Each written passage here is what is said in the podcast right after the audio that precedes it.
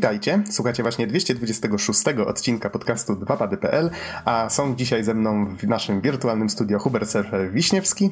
Dobry wieczór. I Marcin Easy Kołodziej. Cześć, cześć.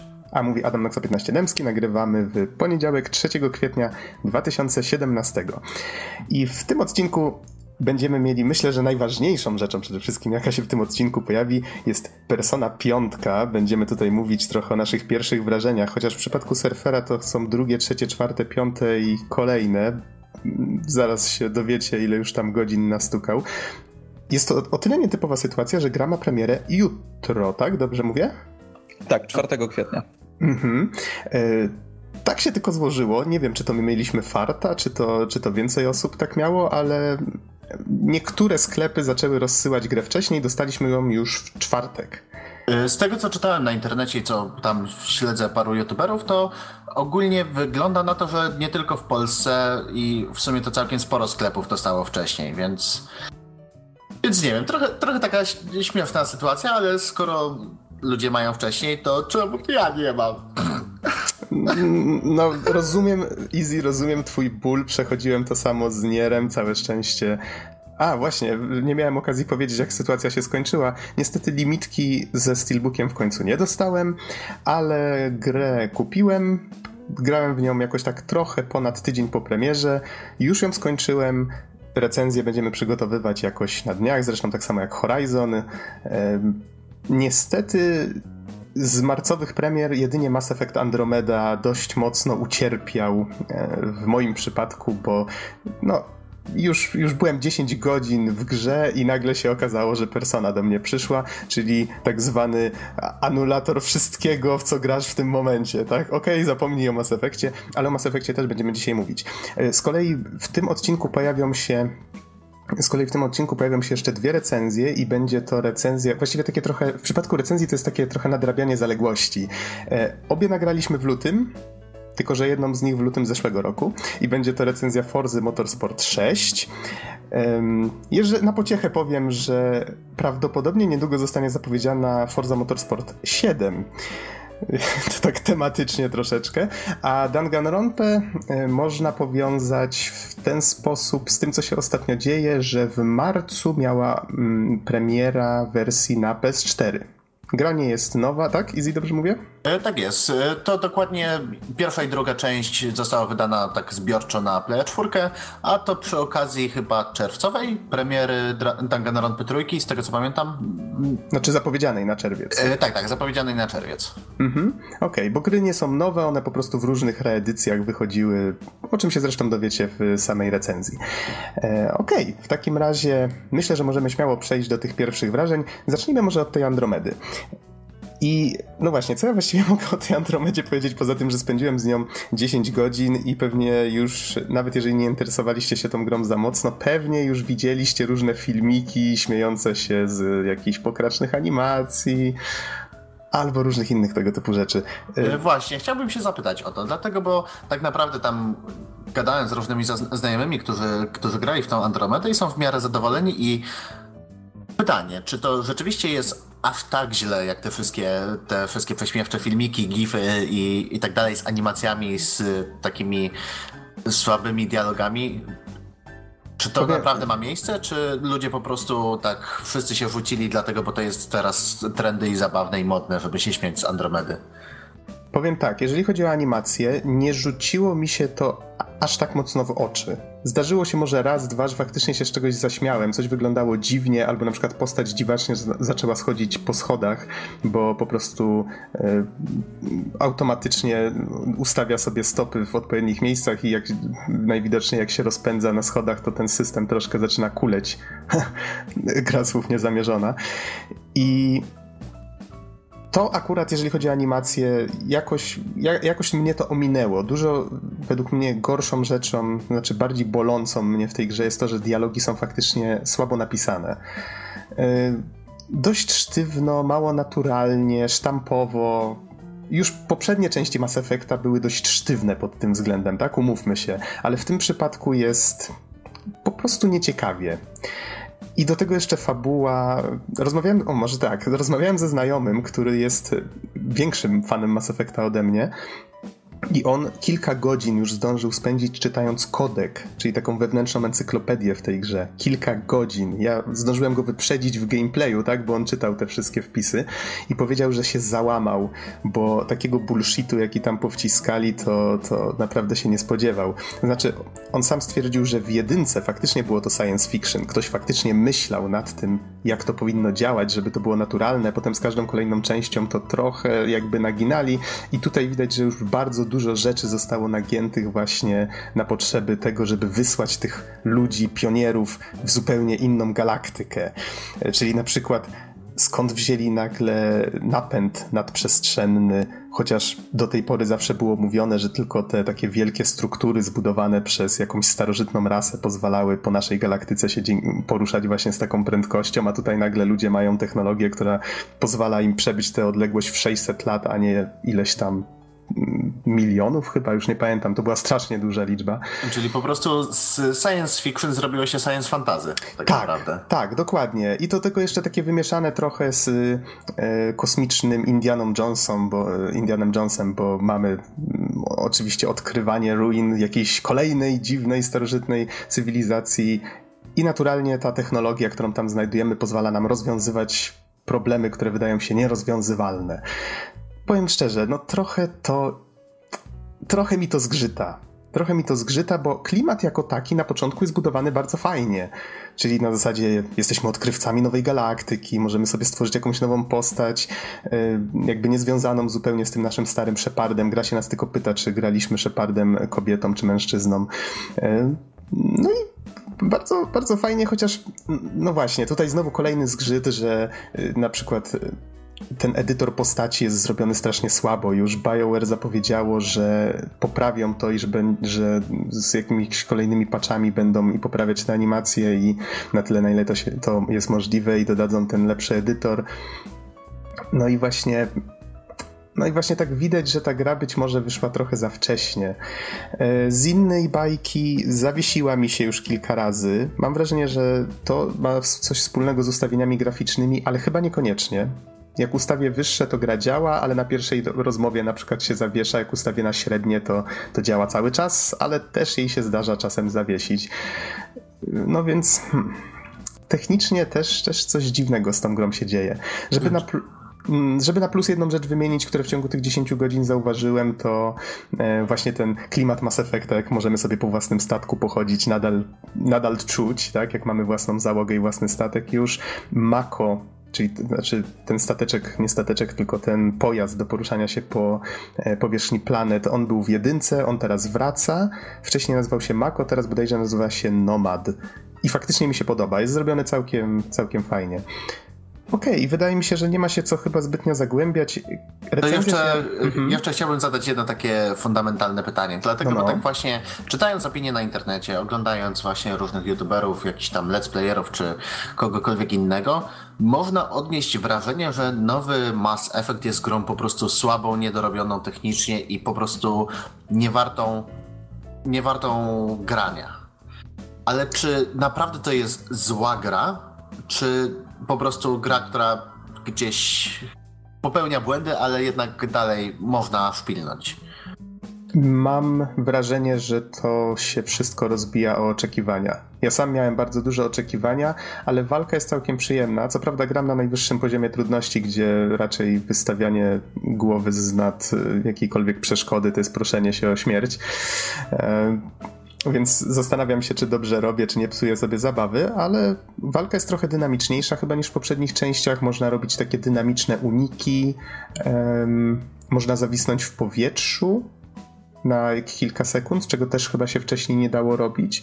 I, i w ogóle mam wrażenie, że jakby eksploracja jest trochę, trochę żwawsza, ciekawsza. Słyszałem, że rzeczywiście walka jest dużo fajniejsza i bardziej dynamiczna i to jest chyba jeden z niewielu elementów, e, jeżeli chodzi o Andromedę, gdzie większość e, recenzentów chyba jest zgodna, że, że to jest coś, co wyszło fajnie.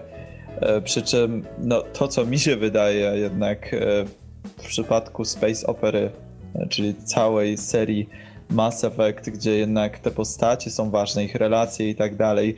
No jednak gdy patrzę na te filmiki i, i widzę te kompilacje różnych bardzo dziwnych, nienaturalnych, sztucznych dialogów i do tego piekielnie dziwnej mimiki. Już nie mówiąc o bugach, typu jakieś postacie wtapiające się w krzesła. No, nie wygląda to zbyt obiecująco, szczerze mówiąc. Powiem tak, że jeszcze przed premierą rozważałem zakup. Na zasadzie, że a może kiedyś. Ale w tym momencie chyba poczekam kilka miesięcy, zobaczę, może zagram u kogoś ocenię, ale oj, nie wygląda to dobrze. No, będę czekał na pewno na Twoją recenzję, bo bardzo jestem ciekaw Twojej ostatecznej opinii, ale z tego, co mówisz po tych pierwszych 10 godzinach, no to pokrywa się to y, ze słowami recenzentów, y, którzy skończyli już grę, więc wydaje mi się, że chyba tutaj z, no, wiele lepiej nie będzie. Mhm. Okej, okay, ale to jeszcze do tematu myślę będziemy, będziemy wracać. Więc póki co Andromeda raczej się tak raczej się tak y, plasuje na takiego średniaka. No zobaczymy. Może później jeszcze klimat trochę pomoże. Może jak zacznę robić jakieś questy poboczne w tych otwartych światach, to, to faktycznie trochę, trochę zyska, albo i nie. No zobaczymy. Ale przejdźmy może do persony, która ukradła już nasze serca, dosłownie i w przenośni. I tu chyba surfer, ty będziesz miał najwięcej do powiedzenia. Easy niestety jeszcze czeka na swoją kopię. Ale jutro, już jutro będzie. ja przy, przy dezaprobacie surfera ja w swoją zdążyłem rozegrać może dopiero 12 godzin, bo mam życie jeszcze. A surfer ile ty masz? Przypomnij. Ponad 40. Ile to dni? Czekaj, czwartek, czwartek wieczór, żeś mówił, że masz kopię, tak samo jak ja. Piątek, sobota, niedziela, no i dzisiaj. No dzisiaj, dzisiaj jeszcze nie grałem, ale konsola już się rozgrzewa, więc, um, więc dzisiaj jeszcze czekam, nie gra. E, no i przez te trzy dni udało się trochę pograć. nie, tak dużo, jakbym chci- nie tak dużo, jakbym chciał, wierzcie mi, bo, bo już po prostu w pewnym momencie rzeczywiście organizm nie dawał rady, więc e, Wydaje mi się, że to już po prostu nie te lata, co kiedyś. Pamiętajcie, Ale... praca nieważne, zdrowie nieważne, persona właśnie. Kurczę, relacje z postaciami to jest najważniejsze. Mm, I wiecie co, y, po pierwszych kilku godzinach mam wrażenie, że tak jak gadałem z Noxem, bo pierwszego dnia tak naprawdę niewiele pograłem, niewiele ponad 4 godziny.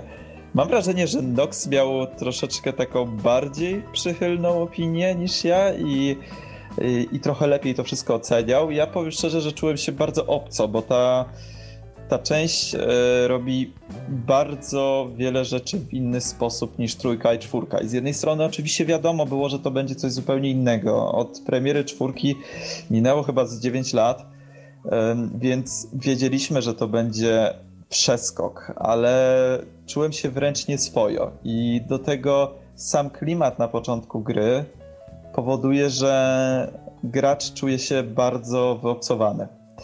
Więc yy, nie było to zbyt przyjemne uczucie. Tak naprawdę to był pierwszy raz w tej serii, kiedy no, na myśl o pójściu do szkoły czułem się nie za dobrze i na myśl o powrocie do mieszkania też czułem się niedobrze, więc tak na dobrą sprawę nigdzie nie było dobrze, nigdzie nie było fajnie i nie chyba, chyba oczywiście... musimy zaznaczyć, że surfer naturalnie mówi o wirtualnej szkole i powrocie do wirtualnego domu. Już, już mo mogą, mogą mu się mylić już te rzeczy, pamiętajcie.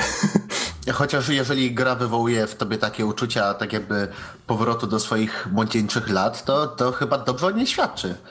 E, właśnie, surfer, skoro już ci się wciąłem w słowo, e, wydaje mi się, że właśnie dlatego moja opinia na ten temat była dobra, bo taki klimat widać wyraźnie, że twórcy właśnie chcieli zbudować i mi bardzo się spodobało to, że nie powtarzali, znaczy równie dobrze mogli po prostu zrobić kalkę poprzednich części, prawda? E, co prawda tak może przypomnimy, że nie trzeba zupełnie znać poprzednich części, żadnej części właściwie nie trzeba znać, żeby sięgnąć po którąkolwiek z nich. To są po prostu osobni bohaterowie, osobne miejsca akcji, tylko pewne mechanizmy się powtarzają. I właśnie każda z tych gier trochę inaczej podchodzi do tych postaci, i tutaj mamy właśnie taki klimat trochę mm, właśnie na takiej zasadzie, że jesteśmy osobą, której raczej ludzie starają się unikać wiem, Nox, jak najbardziej masz rację i oczywiście z perspektywy już tych pierwszych kilku godzin spędzony z grą, gdy troszeczkę zaczyna się wszystko układać, gdzie już zaczynamy tworzyć pierwsze relacje e, z innymi bohaterami w grze, gdy troszeczkę zaczynamy się odnajdować w tym świecie, bo w ogóle miasto jest ogromne i miasto cały czas się rozszerza na przestrzeni tych 40 godzin, które spędziłem cały czas pojawiały się nowe miejsca, e, w których mogłem, do których mogę pojechać, więc to jest w ogóle super. To żeś ale... mnie właśnie przeraził, bo ja chyba z dobre dwie godziny łaziłem, mając nadzieję, że a, to naraz zobaczę co gdzie jest i już będę wiedział. Oh. E, tak, tak więc jest tego jeszcze więcej i, i, to było takie przytłaczające i ja wiem, że to był zamiar i tak naprawdę to jest rewelacyjne, dlatego że w trójce jesteśmy traktowani praktycznie od początku jak superbohater, w czwórce jesteśmy taką super gwiazdą wręcz, gdzie każdy nas lubi, każdy z nami chce spędzać czas, a tutaj jeszcze dodatkowo, gdy się chodzi po szkole, wyskakują te dymki, gdzie słyszysz, jak, widzisz jak ludzie cię obgadują, gdzie słyszysz, że ktoś coś mówi na twój temat, gdzie podchodzisz do kogoś się coś zapytać i ta osoba nie chce z tobą mieć nic wspólnego, żeby przypadkiem nauczyciele nie zobaczyli e, tej osoby właśnie z taką osobą jak twój główny bohater, więc to jest w ogóle takie ojej, strasznie dziwne i bałem się przez chwilę, bałem się tego, że gdzieś ten urok, ta taka, taka mm, lekkość tej, tej serii, która jest od trójki e, wzwyż, e, ten humor gdzieś e, zaniknie. Na szczęście zdecydowanie nie. To zdecydowanie wszystko tam jest na swoim miejscu. No i powiem szczerze, że jak na razie jest rewelacyjnie. To znaczy, oczywiście nie chcę tutaj wydawać osądu bez przejścia gry. E, no ale właśnie, chyba sam fakt, ile godzin spędziłem przy tej grze, jak bardzo dzisiaj w pracy mocno cierpiałem, myśląc co chwilę tylko o tym, że chcę już być w domu e, i że chcę już grać, e, świadczy o tym, jak gra mi się spodobała i jeżeli ten poziom się utrzyma, a jak na razie co jest najlepsze, ten poziom cały czas rośnie mojego zadowolenia z tej gry, no to zdecydowanie będzie to dla mnie najlepsza część e, cyklu. No i na pewno jedna z najlepszych gier, w jakie grałem, więc w ogóle osiągnęli coś niesamowitego, bo jeszcze tak e, nie chcę tutaj za bardzo przydudzać i, i robić z tego jakiegoś długiego wywodu, jakichś swoich odczuciach i tak dalej, ale pamiętam na jak gadaliśmy kilka miesięcy temu i mówiłeś, że nie ma opcji, żeby Persona 5 spełniła moje oczekiwania, że one tak narosły do takich e, ogromnych rozmiarów przez te lata czekania e, i hypowania się, że nie ma możliwości, żeby to mnie zadowoliło. Jak na razie przerasta te oczekiwania, więc w ogóle dla mnie osiągnęli coś niewykonalnego i tak jak się śmiałem, że oczekuję, że to będzie przynajmniej gra roku, a prawdopodobnie gra generacji i tak no pressure Atlus no to mm, wydaje mi się, że, że ta gra jest w zasięgu tego i ojejku, mogę godzinami tak naprawdę gadać o tym, co, co mi się w tej grze podoba, więc może powiem, co mi się nie podoba. E, albo A to, co... może, to może hmm? najpierw e, ten, jeszcze ja powiem, co, no właśnie, co, Nox, bo, co mi się podoba. Oczywiście, tak, zacznij. Zacznij ty jeszcze. Skoro już jesteśmy przy pozytywach, to pozwolę ci trochę złapać oddech. Zresztą przypomnę, że ty czekałeś właśnie na grę wiele, wiele lat. Tymczasem zachęciłeś mnie do sięgnięcia po tę serię, kiedy to było? W 2015 chyba przechodziłem trójkę. I tak, tak, to, to chyba było 2015 i potem żeśmy recenzowali trójkę i czwórkę na, na podcaście. I właśnie ja dużo krócej musiałem na tę na piątkę czekać, chociaż oczekiwania i tak miałem dość, dość spore. E, I bardzo fajnie, że piątka naprawia rzeczy, które mi się na, na, które zawsze narzekałem przy tych dwóch poprzednich częściach. To znaczy, dungeony już nie są proceduralnie generowane, a przynajmniej nie zauważyłem, żeby takie były. Są projektowane e, ręcznie, e, są upstrzone różnymi właśnie rozmowami, scenkami i tak dalej, więc jest po prostu dużo ciekawiej je eksplorować. To jest jedna rzecz. Druga rzecz, na którą właściwie nie narzekałem, ale, ale bardzo mi się tutaj podoba, czyli e, stylówka ca cały styl tej gry, graficzny, interfejs, wszystkie detale związane ze wszystkim właściwie, co widzimy na ekranie, jest tu tak dopieszczone i wręcz przes przesycone, jest tego nadmiar wręcz troszeczkę. Czasami... A, Adam, Adam, słuchaj, wybacz, że się tak, tak trącę, ale bo tak jak nawet ten, nawet y, tam zainwestowaliśmy z surferem w jakieś artbooki, których starałem się nie tykać, starałem się jak najmniej materiałów oglądać. Wszystko, co widziałem, to chyba 8 minut nagrania z y, angielskiej wersji, jeszcze tam w, w zeszłym miesiącu. I mam jedno pytanie. Czy naprawdę te menu są na takie dobre, takie po prostu tak genialnie zaprojektowane, bo według mnie, dla tak, mnie naprawdę wystarczy, wystarczy mi to, że przyjdzie mi jutro ta gra, nawet mogłoby to być zwykłe demko, gdzie mógłbym szwendać się po samych menusach. Ty tylko i wyłącznie. To by mi y, wystarczyło. Tak, tak. Potwierdzam, że są genialnie zaprojektowane. Jedyny minus z tym związany jest taki, że domyślam się, że dla części osób mogą być dezorientujące. Znaczy, ja widzę od razu tam to, czego potrzebuję, ale ja już po zagraniu w dwie poprzedniej części wiem, czego tam szukać. E, tymczasem tam jest dość dużo tego detalu, tych barw, kształtów, więc domyślam się, że. Znaczy, nawet mnie się, mam wrażenie, raz czy dwa zakręciło trochę w głowie od tego wszystkiego, tak? Ale to jest do przyzwyczajenia. Wiesz co, w ogóle to, to był jeden z zarzutów na początku gry, że e, było strasznie dużo takiego postprocesingu. Na zasadzie gdzieś jakieś ramki, gdzieś jakieś filtry nałożone i tak dalej przy czym okazało się, że tutaj dużym problemem były moje ustawienia telewizora, więc to się udało zniwelować. W sensie było zbyt ciemno, nie widziałem pewnych rzeczy. Ale powiem ci tak, Easy, jeżeli chodzi o menusy, one są oczywiście takie bardzo flashy, bardzo kolorowe i są, jest super dużo ciekawych animacji i tak dalej.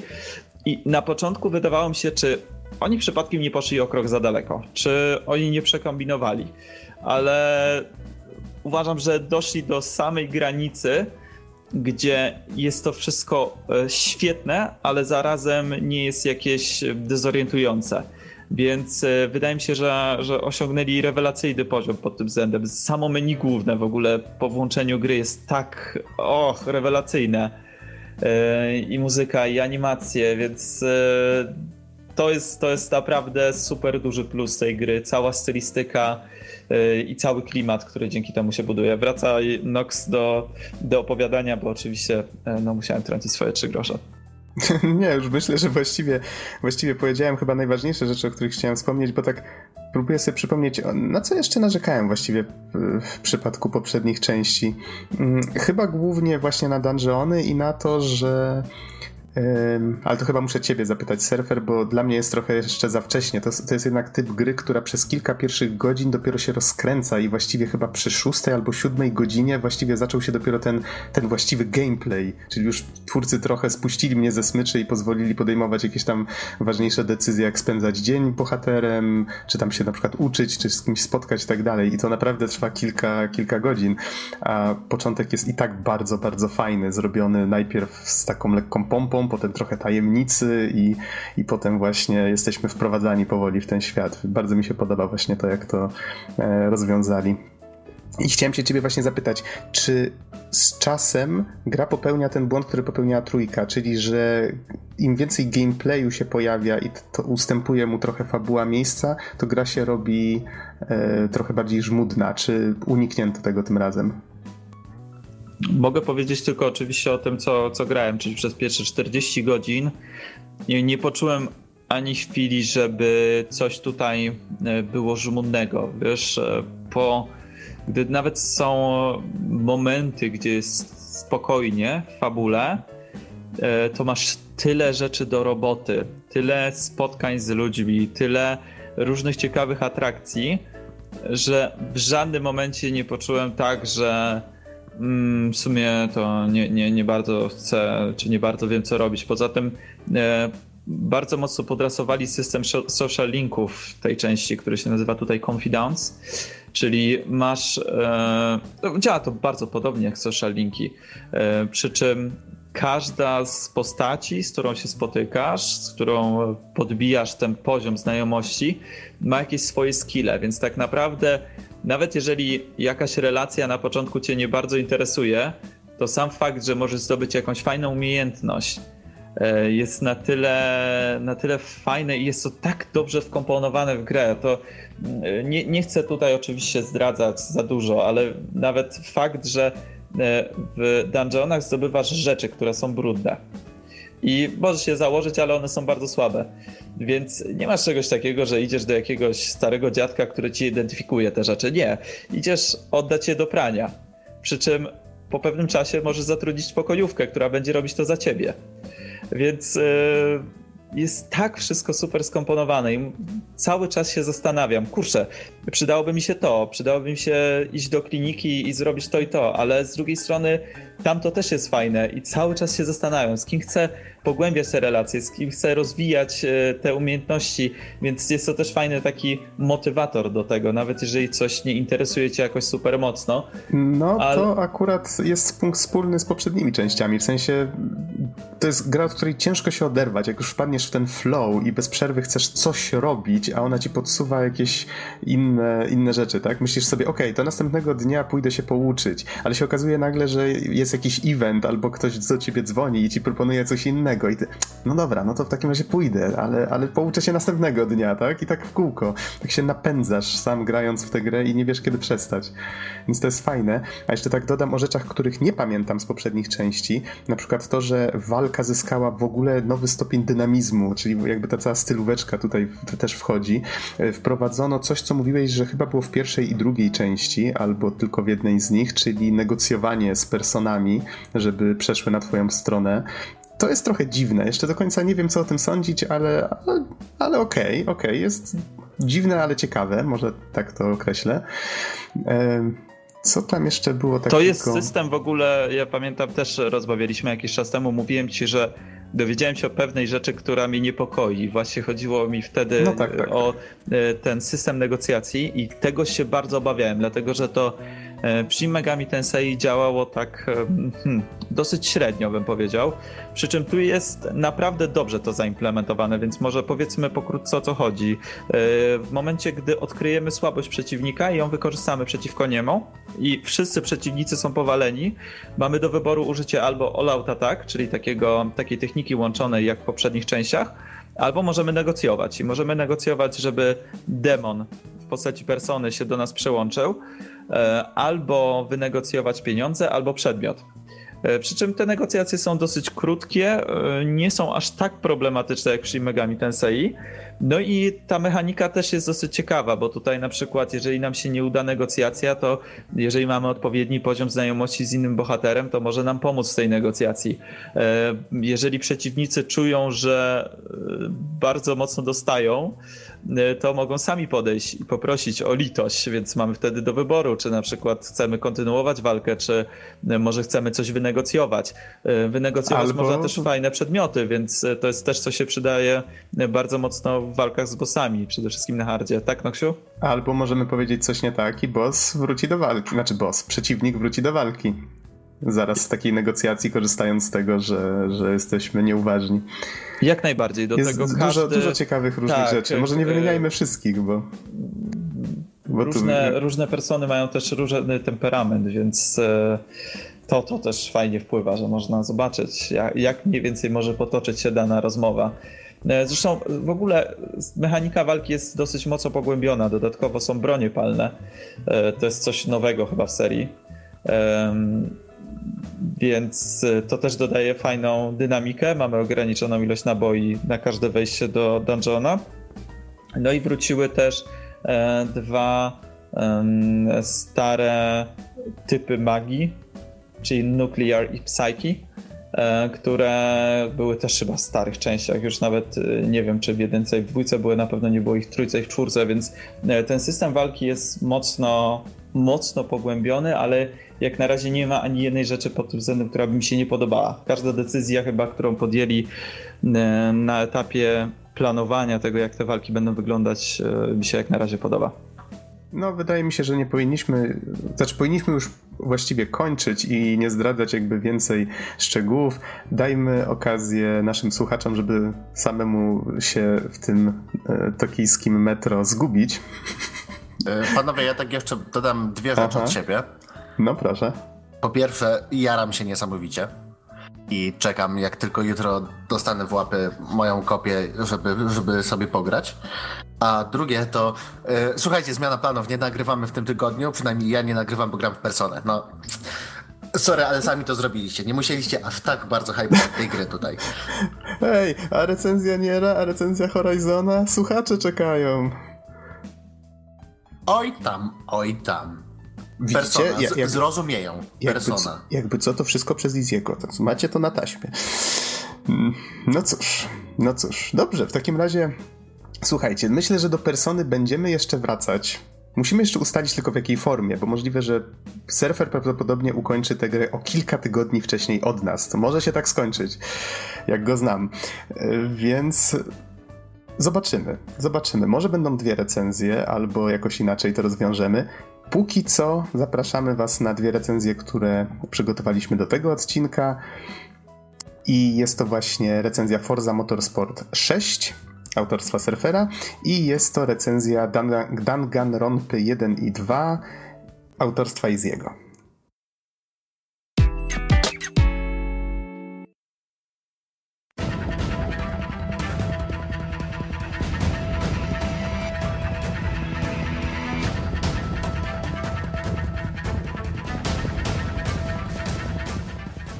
W wirtualnym studiu jest teraz ze mną Hubert Surfer Wiśniewski. Witaj.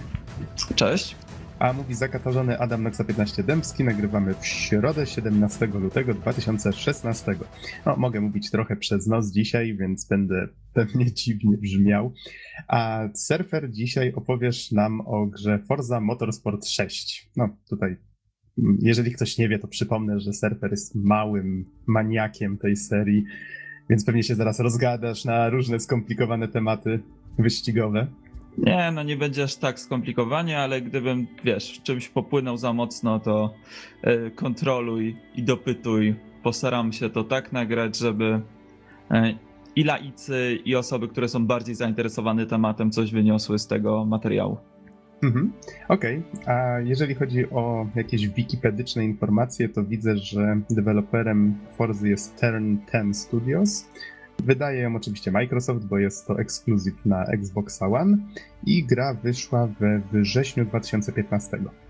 Dokładnie tak, chociaż e, od jakiegoś czasu chodzą plotki po internecie, że po zapowiedzi Quantum Break, które miało być ekskluzywem na Xbox One, teraz na Windowsie się także pojawi.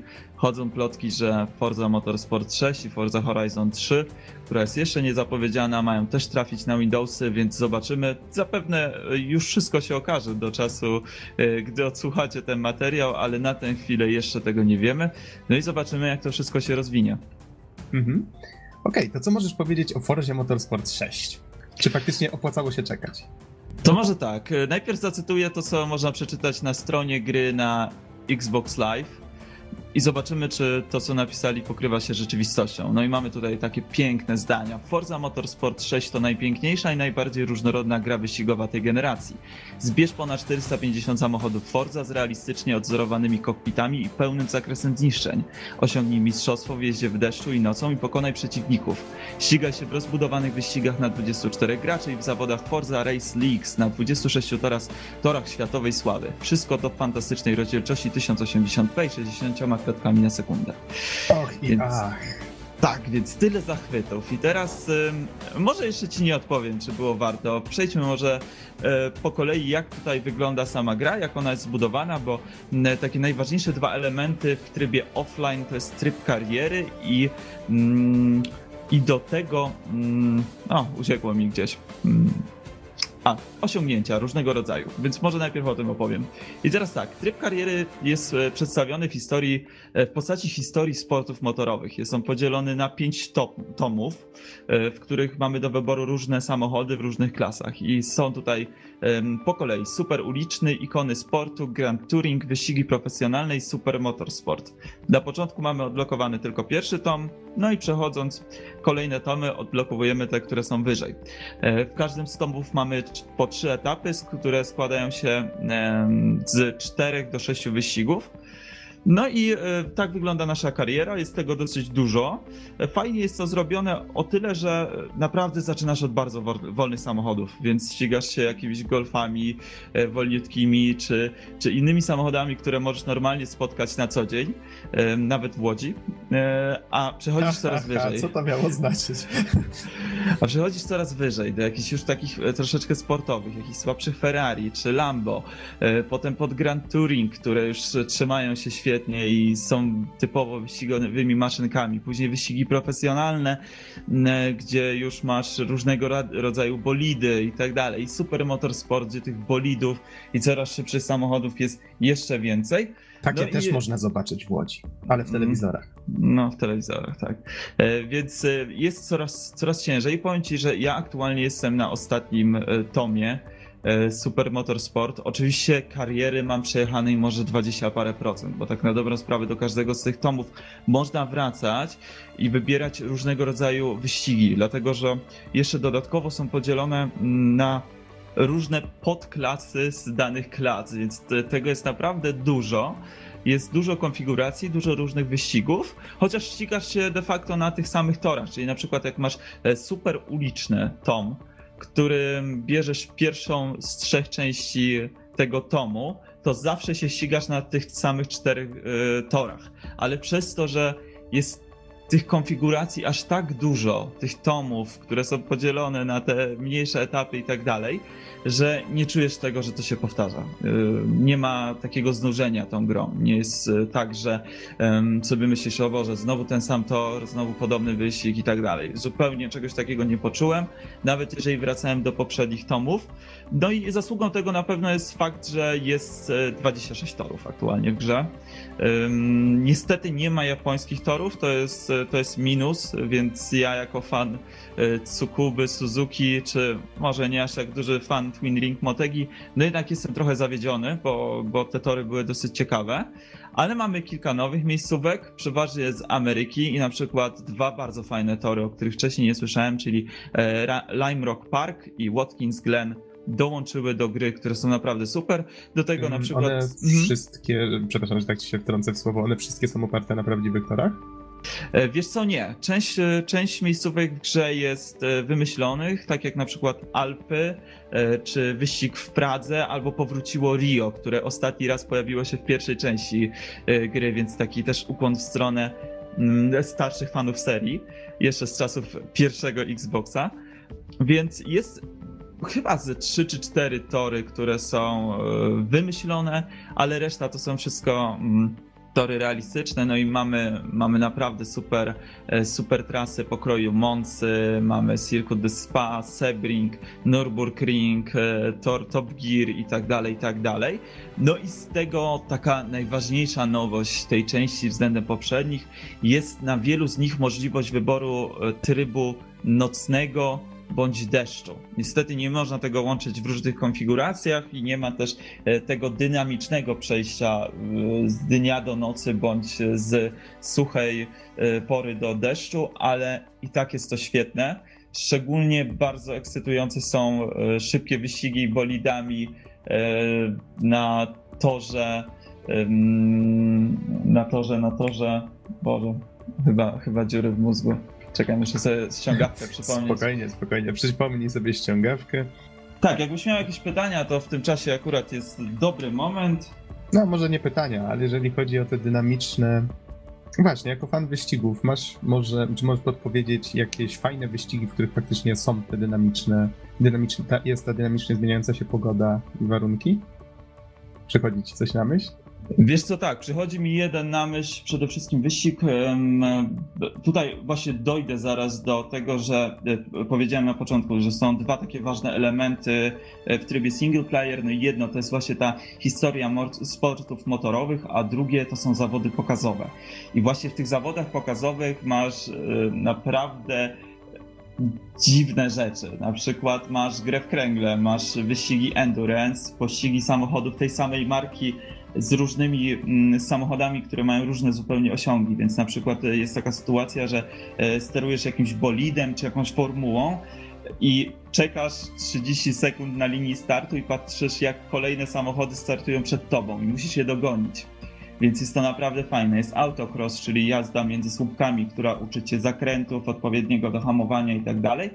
E, zawody w wyprzedzaniu samochodami innych znacznie słabszych samochodów. Na przykład masz dwa okrążenia Ferrari La Ferrari kontra starusieńkie Abarty 595 na torze Monza i wyprzedzasz ich przez te dwa okrążenia po 80 parę e, samochodów, więc e, też jest to dosyć fajne, bo musisz uczyć się odpowiednio wyprzedzać, jak sobie zmieniać swoją linię jazdy, dopasować do nich i tak dalej. No i jest wiele, wiele innych. I tam na przykład bardzo fajny wyścig był na torze Spa w deszczu, chyba Ferrari 458, ale w takiej bardzo fajnej wyścigowej wersji. I no co ci mogę powiedzieć, to po prostu gra się w to super i tutaj takim też sloganem reklamowym e, ze strony ten i Microsoftu były te kałuże w 3D, że 3D paddles to cały czas krzyczeli 3D paddles, 3D paddles. No i tak sobie myślałem, że to, e, wiesz, no czymś muszą e, jakieś hasło wymyślić, jakieś, jakoś to reklamować, ale powiem Ci, że działa to naprawdę super. Masz na przykład zakręty na wielu trasach, gdzie na wejściu masz kałużę i na wyjściu z zakrętu masz kałużę, więc jeżeli jedziesz normalną linią, którą byś jechał na suchym torze, nie masz możliwości nie przywalić bandę. Jeżeli wylecisz na trawę jakimś szybkim samochodem, to po prostu lecisz i nie masz możliwości nic zrobić. Y, ja przypomnę tylko, że dodam, że y, jeżdżę też na wszelkich możliwościach y, tam ułatwiających wyłączonych, więc bez ABS-ów, bez kontroli trakcji i tak dalej. Więc to jest oczywiście jakieś tam dodatkowe utrudnienie, ale dzięki temu gra się to naprawdę fajnie. Więc masz tego typu wyścigów dużo. Masz na przykład też wyścigi endurance, które trwają po półtorej, dwie godziny i są na przykład też w deszczu, więc jest chyba wyścig na torze Sebring, który też ze względu na swoją bardzo złą nawierzchnię jest bardzo trudny w deszczu do pokonania, a do tego ściga się tam super szybkimi bolidami. Mhm. A właśnie, bo nie wiem, czy w końcu odpowiedziałeś na moje pytanie, czy przychodzą ci na myśl jakieś wyścigi, w których stało się standardem takie, takie dynamiczne warunki, czy stały się standardem? Mm, co masz na myśli? Na przykład, nie wiem, to, że jest e, próba odzorowania wyścigu 24-godzinnego na na chodzi, przykład chodzi? Mi, chodzi mi mhm. po prostu o to, że pogoda się zmienia losowo. Nie, właśnie pogoda się nie zmienia. To jest, to jest e, ta wada, że no pogoda tutaj się wiem. Mhm. tutaj wiem, dlatego chodziło mi właśnie, czy mhm. znasz jakąś kon konkurencyjną serię, tak, w której to się stało standardem. Znaczy, wiesz co, no przychodzi mi na myśl Drive Club, ale to jest, e, no, ciężko porównywać, bo Drive Club jest jednak dużo bardziej arcade'owy. Mm, wydaje mi się, że w Project Cars e, coś takiego jest, ale ręki sobie uciąć nie dam, bo nie grałem. Ale chyba, chyba jest tam dynamiczna pogoda. No w każdym razie tutaj tego brakuje. No nie wiem, w Forzie Motorsport też masz dynamiczne zmiany pogody i tak dalej. Jakoś tak może przez pryzmat e, tamtej e, serii jakoś tak, no nie wiem, chciałoby się, żeby tutaj też to było i oczywiście by to było... W Forzie Motorsport czy Horizon? W Forzie Horizon. Powiedziałem Motorsport. Tak, tak. Pomyłka, tak, oczywiście miałem na myśli Forza Horizon. Więc w porównaniu do Forza Horizon, w której jest e, właśnie ten zmienny tryb dnia i nocy zmienny tryb pogodowy, no tutaj tego brakuje. Wiesz, nadałoby to dużo jeszcze większej głębi, na przykład gdybyś musiał zjeżdżać do pit stopu i zmieniać opony na to, żeby e, lepiej się jeździło na mokrej nawierzchni i wtedy wyścigi endurance na przykład by były jeszcze ciekawsze. No ale nie można mieć wszystkiego, a to co zrobili, jeżeli chodzi o tą otoczkę, czyli o te wyścigi w nocy i wyścigi w deszczu, jest naprawdę bardzo ciekawe. Swoją drogą miałem ciekawą sytuację e, w nocy e, jeżdżąc, że jechałem samochodem, który miał zaklejone światła e, i nie było możliwości praktycznie tym jechać. Na samym początku, gdy jeszcze tor jest oświetlony, dało radę cokolwiek widzieć, a nagle tak po chwili, kurczę, czy ja rozwaliłem sobie lampy przednie? Mówię restart. I patrzę, nie, ten ten samochód ma po prostu zaklejone zupełnie e, światła, więc e, trzeba też odpowiednio dopasowywać swoje samochody, no i nie można się aż tak mocno rozbijać, no bo jak sobie rozwali światła przednie, no to jesteś skazany na porażkę. Mhm. A jeszcze takie jedno pytanko, znalazłeś w końcu nazwę tego toru, który tak ci wyleciał? E, tak, Circo della Sarte, czyli e, tor, na którym odbywa się, odbywają się wyścigi Le Mans. 24-godzinne, więc e, to jest na przykład bardzo fajne, że są mhm. wyścigi endurance, który, w których ścigasz się tymi samymi bolidami, którzy, którymi ścigają się e, ci mm, e, ci sportowcy ścigający się na tym torze i w czasie tego wyścigu, więc jest to też fajne takie odzorowanie. No i na przykład masz też Nürburgring w pełnej wersji. Jeszcze takie pytanko, mhm. przepraszam, że ci znowu wchodzę w słowo, a, a propos właśnie Le Mans, czy twórcy Forzy podeszli do tego bardziej tak na luzie, jak bodajże w gridzie jedynce było tak, że ten wyścig był mocno skrócony i ten czas tak leciał? Czy podeszli bardziej hardkorowo jak twórcy Gran Turismo, gdzie faktycznie można 24 godziny jechać? Takie realne 24 godziny. Nie, z tego co wiem, to nie. Tam chyba jest 30 okrążeń na tym torze, więc wydaje mi się, że jest to coś około półtorej godziny. I, hmm. tak, I tak mniej więcej tyle trwają właśnie te wyścigi. E, na przykład 9 okrążeń na pełnym Nürburgring e, to jest też około właśnie półtorej godziny jechaliśmy taki endurance, więc powiem Ci, że chyba przejechaliśmy już 6 e, albo 5 wyścigów endurance z 9 dostępnych. No, okej. Okay. Bo właśnie w Gran Turismo pamiętam, że to zawsze był taki znak rozpoznawczy, że oni te e, długo, mm, nie, nie wiem jak to się fachowo nazywało, takie bardzo długie wyścigi, tak? Na przykład całodobowe odwzorowywali. Tak, tylko na początku nie było przez jakiś czas możliwości saveowania w ich czasie, więc...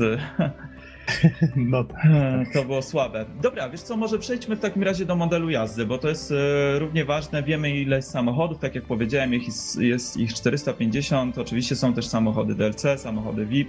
No więc tutaj no, najlepszym rozwiązaniem, jeżeli ktoś bardzo chce mieć do nich dostęp, jest przepustka sezonowa. A ale... czym są samochody VIP?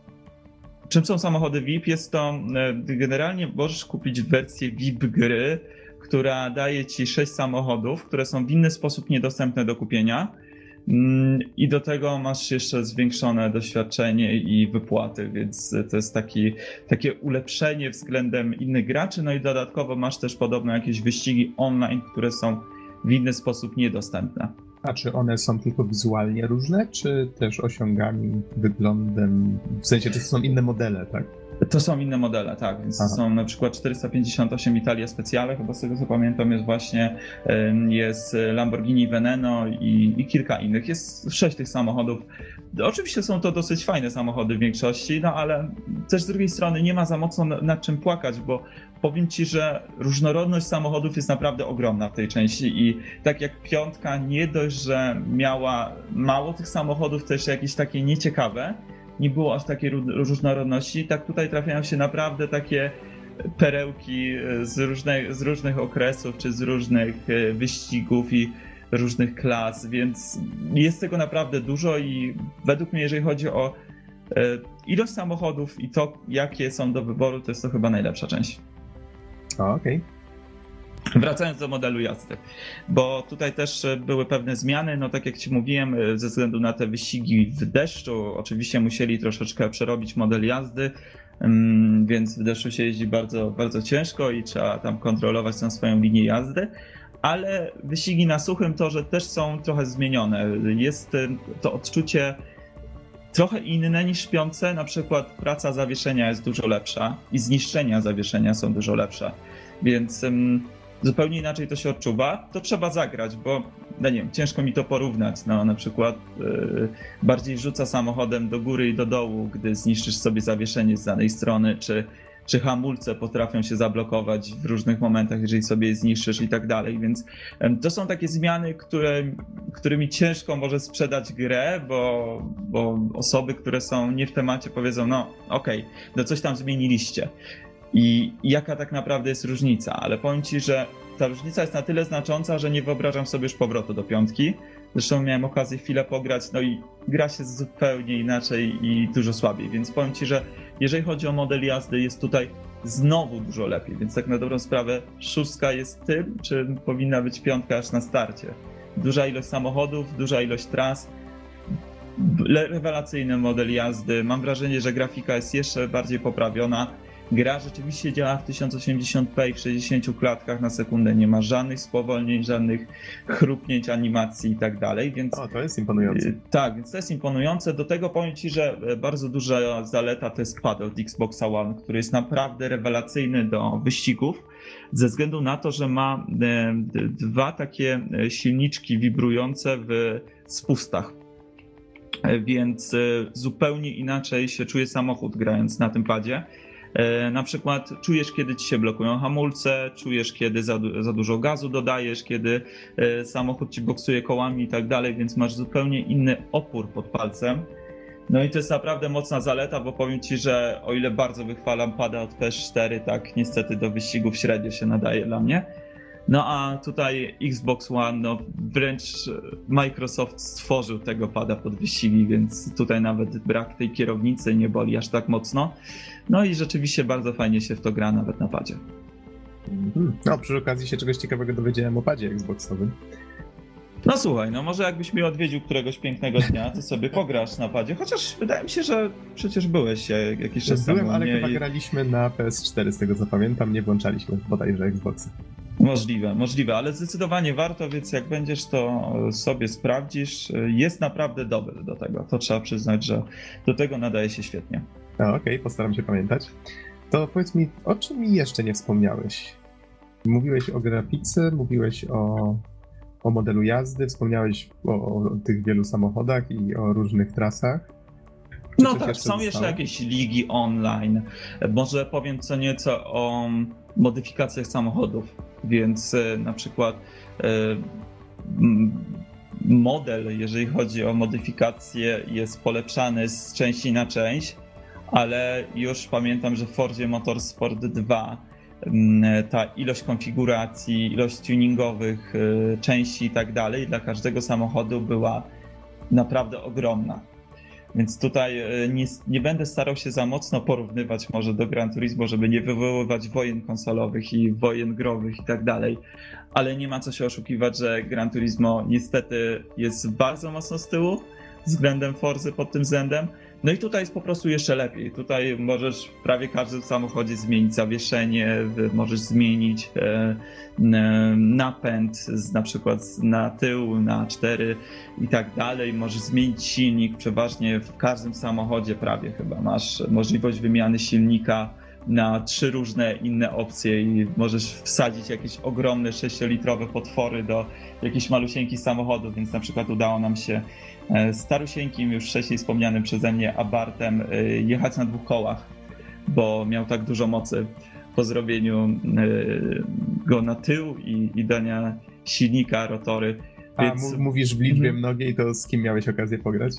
Mm, Wiesz co, ja gram akurat tutaj z moim kolegą, który jest e, dosyć mocnym zapaleńcem gier wyścigowych, no i szczególnie e, Forzy, dlatego że no podobnie jak ja uważa on, że mm, Forza się bardzo mocno wybija na tle innych, więc e, no nie mam Mhm. tutaj akurat porównania względem Project Cars czy Assetto Corsy, ale wydaje mi się, że nawet jeżeli model jazdy powiedzmy jest na podobnym poziomie, to ilość zawartości, którą masz e, w Fordzie Motorsport 6 no jest nie do przebicia. Po prostu. Masz 450 samochodów, które są wykonane cudownie. Każdym masz mo możliwość użycia tego trybu, gdzie chodzisz naokoło samochodu, możesz wejść do środka, odpalić silnik, em, zobaczyć silnik, bagażnik i potwierać wszystkie drzwi i się tylko delektować e, widokiem swojego ulubionego samochodu, więc nie ma tutaj pod... Każdy z tych 450, czy ile ich tam było, można w ten sposób obejrzeć i otworzyć?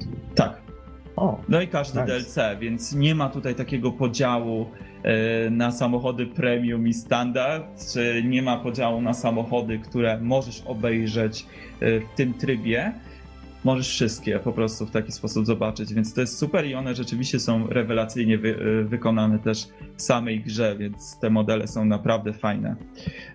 Dzięki czemu gra też e, wygląda tak bardziej spójnie, wiesz, nie ma, nie ma takiego mm, wrażenia, że jedziesz jakimś super odpisowanym Ferrari, a obok ciebie przejeżdża jakiś e, e, grad, który, nie wiem, wygląda jak podrasowana wersja samochodu z Forza Motorsport 3 czy 4, więc rozumiem, że pijesz do Gran Turismo i do tego jak reklamowano. staram się nie, no ale jak widzisz, wychodzi jak zawsze. To Wyjdę na pamiętam- fanboya. Dobrze pamiętam, że to piątkę tak reklamowali, że ma ponad tysiąc samochodów, z czego część to była powiedzmy, to były modele z PS2 jeszcze chyba nawet niektóre. Tak, to chyba były modele z Gran Turismo 4, które były w podbitej rozdzielczości. Zresztą z tego co wiem, Gran Turismo 6 też były samochody premium i standard. No i niestety to bardzo, bardzo oczy. Mówię, no jedziesz super wykonanym samochodem, to rzeczywiście te samochody premium były wykonane przepięknie jak na swoje czasy. No ale co z tego, skoro jedzie koło ciebie taki blok, e, który, który jest obrzydliwy, czy na przykład wsiadasz do takiego samochodu i nie było możliwości e, odpalenia widoku z wewnątrz, albo wszystko było czarne, więc no Tak, nie wiem. urwał, dochodzi... urwał się z zupełnie innej generacji. Tak, więc dochodziło do takich kuriozalnych sytuacji. Tutaj tego nie ma, wiesz, ta gra jest jeszcze bardziej spójna i widzisz, tak jak w piątce cały czas miałem takie poczucie, że czegoś brakuje, że jest mało tych samochodów, jest mało tras, że to wszystko stało się takie bardzo powtarzalne i nużące w szybkim, e, w szybkim czasie.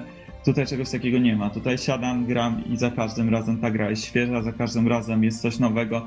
No nie wiem, przesiedziałem kilkadziesiąt godzin, ciężko mi powiedzieć ile, no ale sądzę, że około 50 to lekką ręką.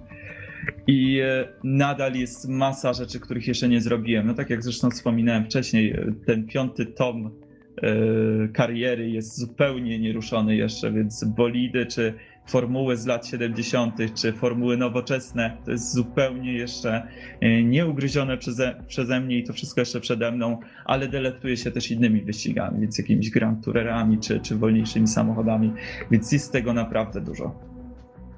I muzyka nie jest taka zła jak w piące. Wiesz, mnie strasznie irytowała muzyka w piące. Ona była taka e, na siłę pompatyczna i nie wiem, miała wymuszać chyba jakieś emocje i tak dalej. I generalnie zupełnie nie pasowała do tej gry. W szóstce nadal trochę taka jest, ale już nie jest aż tak irytująca, nie jest aż tak inwazyjna, więc nawet to poprawili. Mhm, okej. Okay. No przepraszam, że tak mało mówię, ale po prostu jak, każde zdanie to jest dla mnie wysiłek ponad siły w tej chwili. E, dobrze, to wydaje mi się, że chyba wspomniałeś o wszystkim. Nie, nie, wiem, czy e, wspominałeś o trybach sieciowych, coś tam napomknąłeś. Wiesz co, yy, trybów sieciowych nie ruszałem. Dopiero kilka dni temu, znaczy nie kilka dni temu, właściwie wczoraj kupiłem Xbox Live Gold, więc może będę miał okazję pograć. Yy, nie miałem okazji przetestować jeszcze przed recenzją, ale powiem Ci, że no, nie biorę nigdy jakoś tego mocno pod uwagę. No, z tego co wiem, można tam się ścigać w 24 osoby w trybie online, więc na pewno możesz wybrać klasę, w której się będziesz ścigał tor i w jakich tam okolicznościach i tak dalej. No i zapewne to działa bardzo dobrze. Wiesz, nie widzę żadnych narzekań.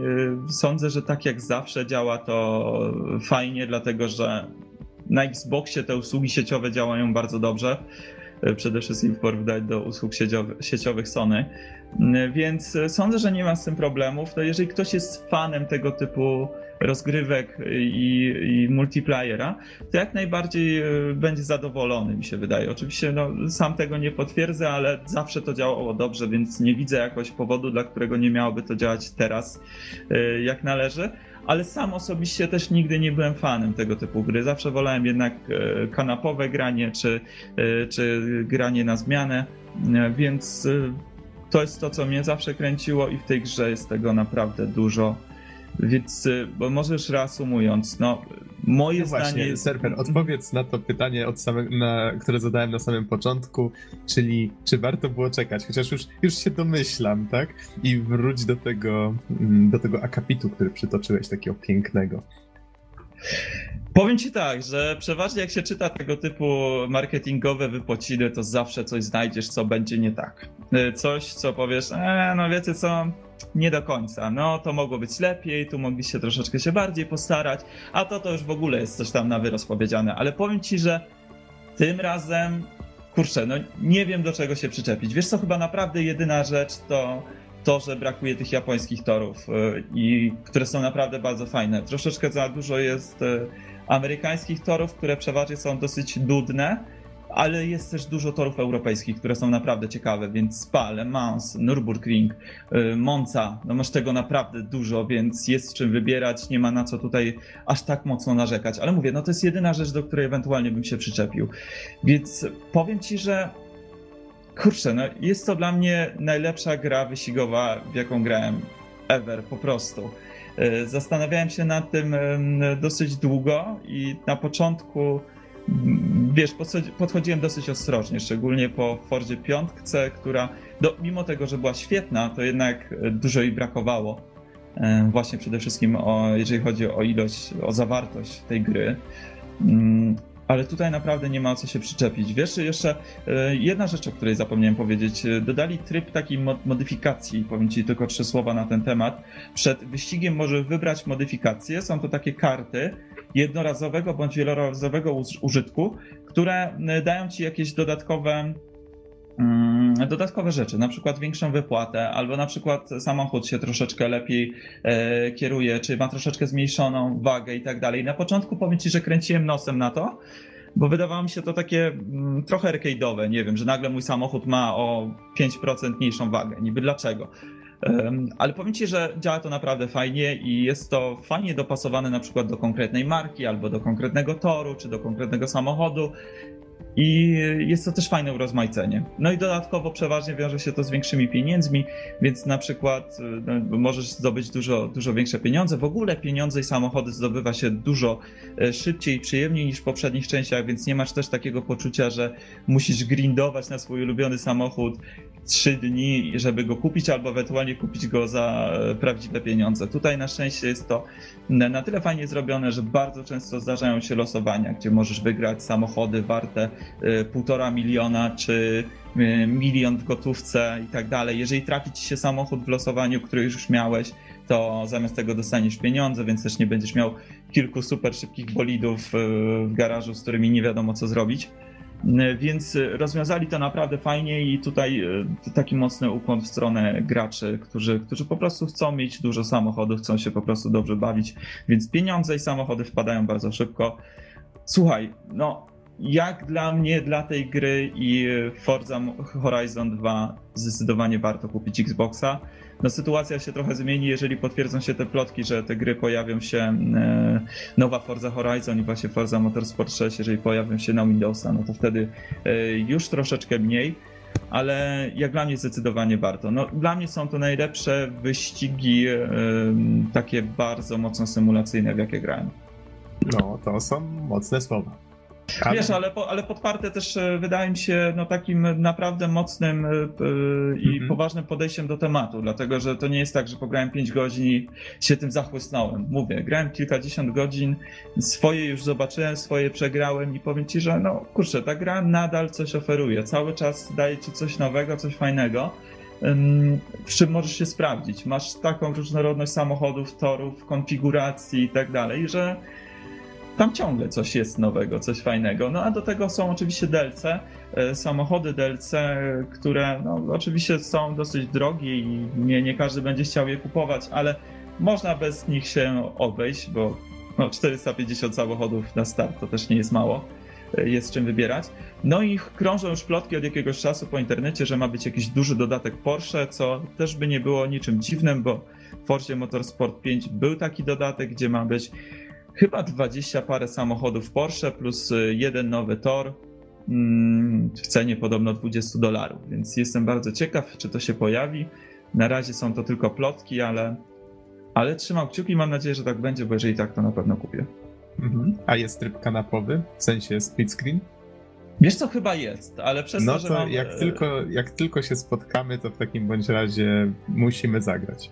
Tylko, że ja mam jednego pada do Xboxa, ale dobra, A. zobaczymy, może do tego czasu się zainwestuję. Niestety pady od 360 nie działają z Xboxem One kompatybilnie, więc mm, pady od Xboxa 360 leżą, a niestety pada od PS4. Trollololololo. No słuchaj. Dobrze, Opowiem ci myślę, że... już po podcaście, jakiś śmieszny motyw można zrobić na Xboxie One. O, okej. Okay. Ale myślę, że tym sucharkiem możemy skończyć. Chyba, że masz jeszcze coś do dodania. Nie, no po prostu, jeżeli jesteście fanami tego typu gier, bo wiadomo, że to nie jest coś, co kręci każdego, jest to dosyć taka um, może nie niszowa gra, no ale wiadomo, że nie jest to aż tak popularny gatunek.